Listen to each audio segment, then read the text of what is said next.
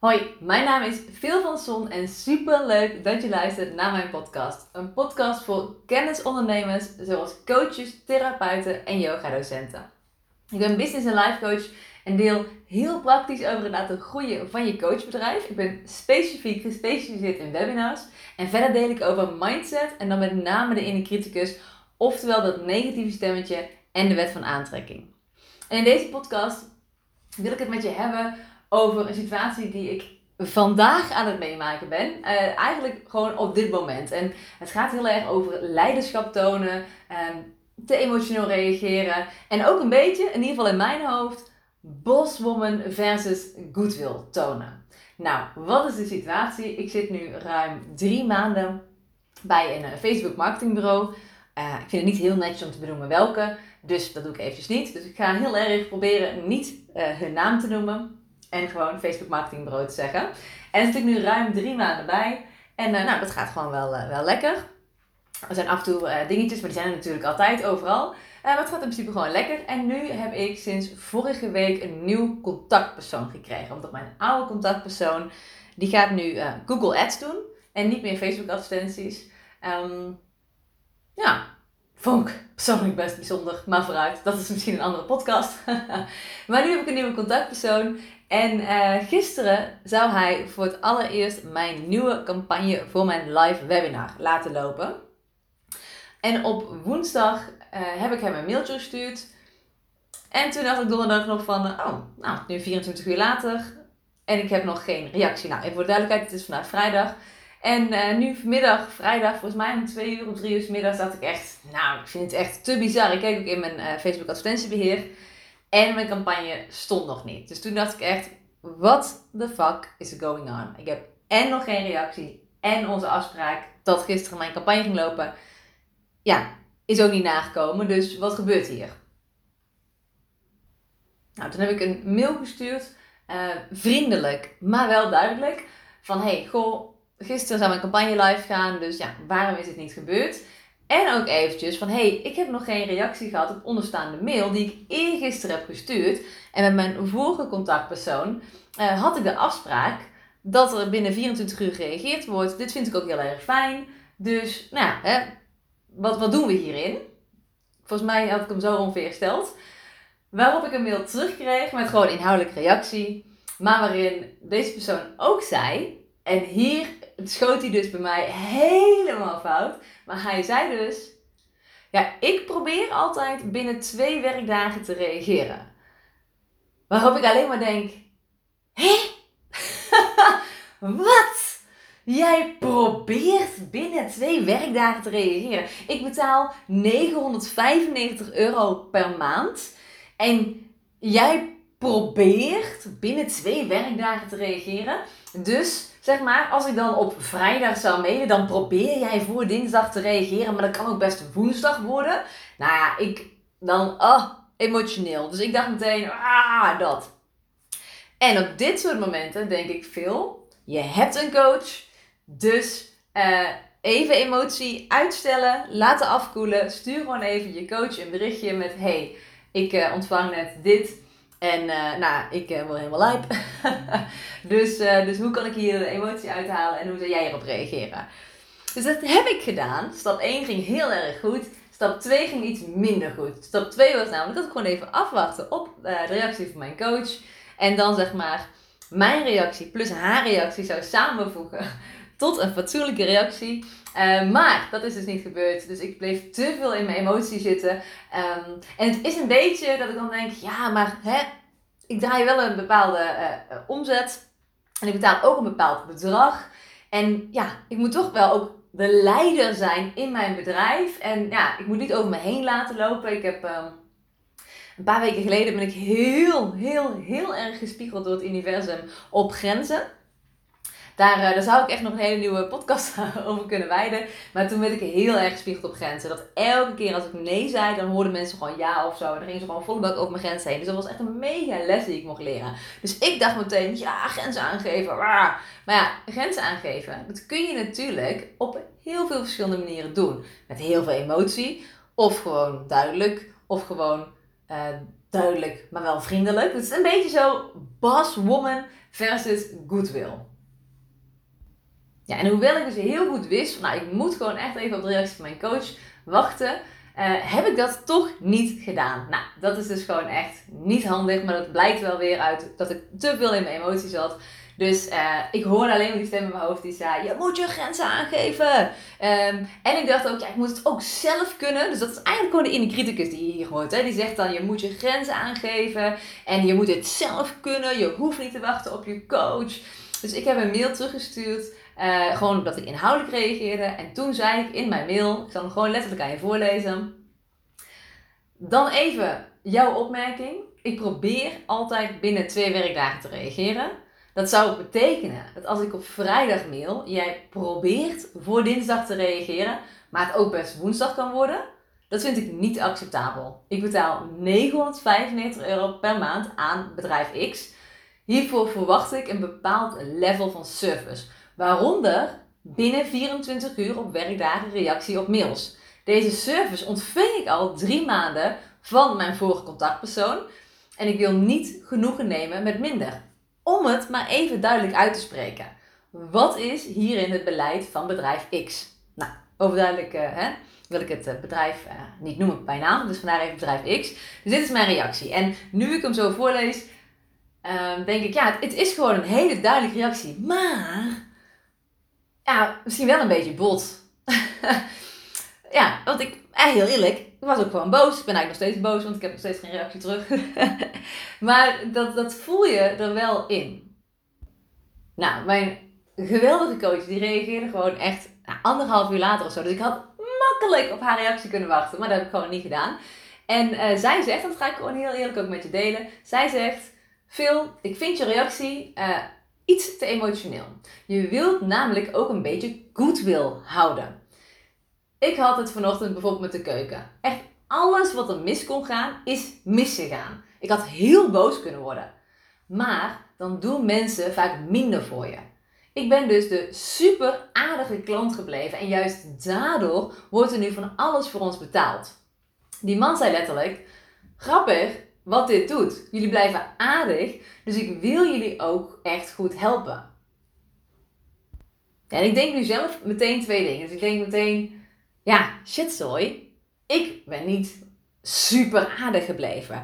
Maar ik ben hier wel heel erg in tweestrijd, moet ik eerlijk zeggen. Want waar, het is een beetje zo'n dunne lijn hè, tussen, uh, tussen een, een boss woman zijn, tussen die leider zijn in je bedrijf.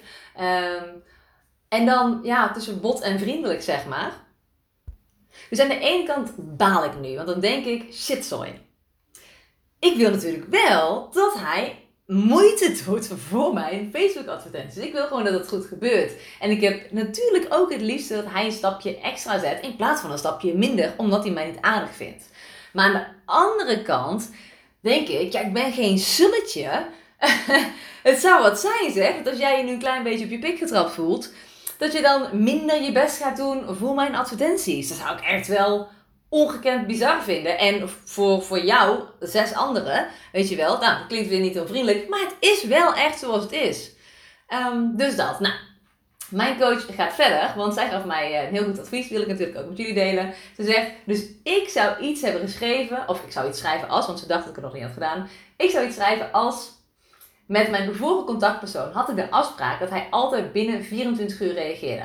Ik weet niet of dit de standaard is binnen bedrijf X, maar dat zou ik persoonlijk wel heel fijn vinden als we dit af kunnen spreken. Gezien mijn budget is het naar mijn mening van belang dat we snel kunnen handelen namelijk. En ik zou graag dezelfde service blijven ontvangen van bedrijf X als ik gewend ben. Kun jij je hierin vinden?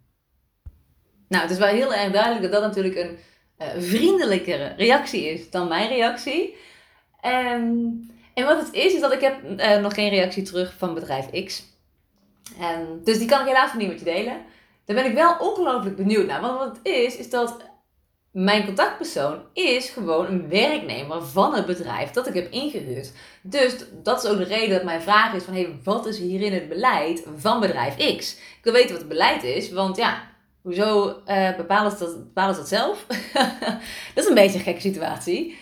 Ehm, ja, en voor mij is het een beetje dat ik denk, oké, wat voor soort leider wil ik zijn?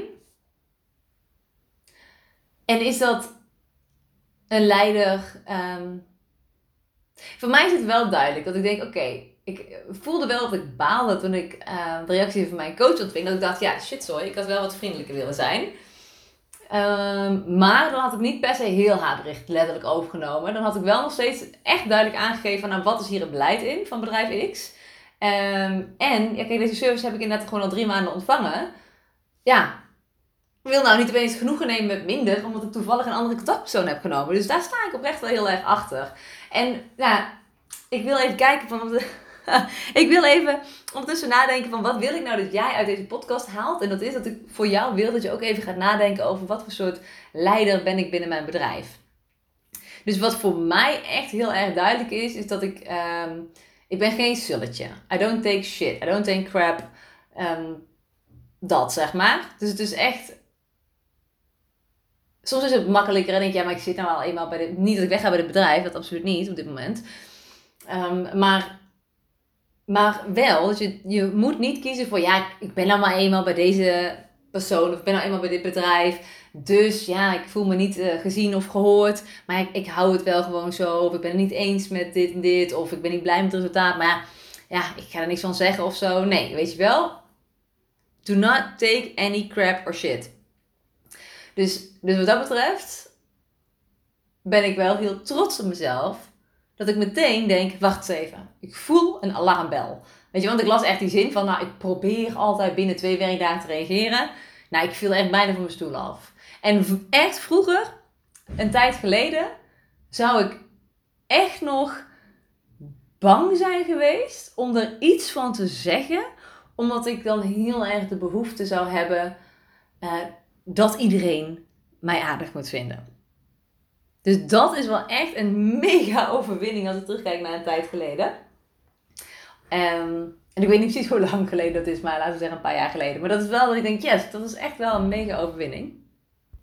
Dus ik wil wel echt de leider zijn in mijn bedrijf. Dat wanneer ik voel van hey, iets wringt, dat ik dan niet de lieve vrede ga lopen bewaren. Dat ik niet bang ben wat andere mensen misschien van mij vinden.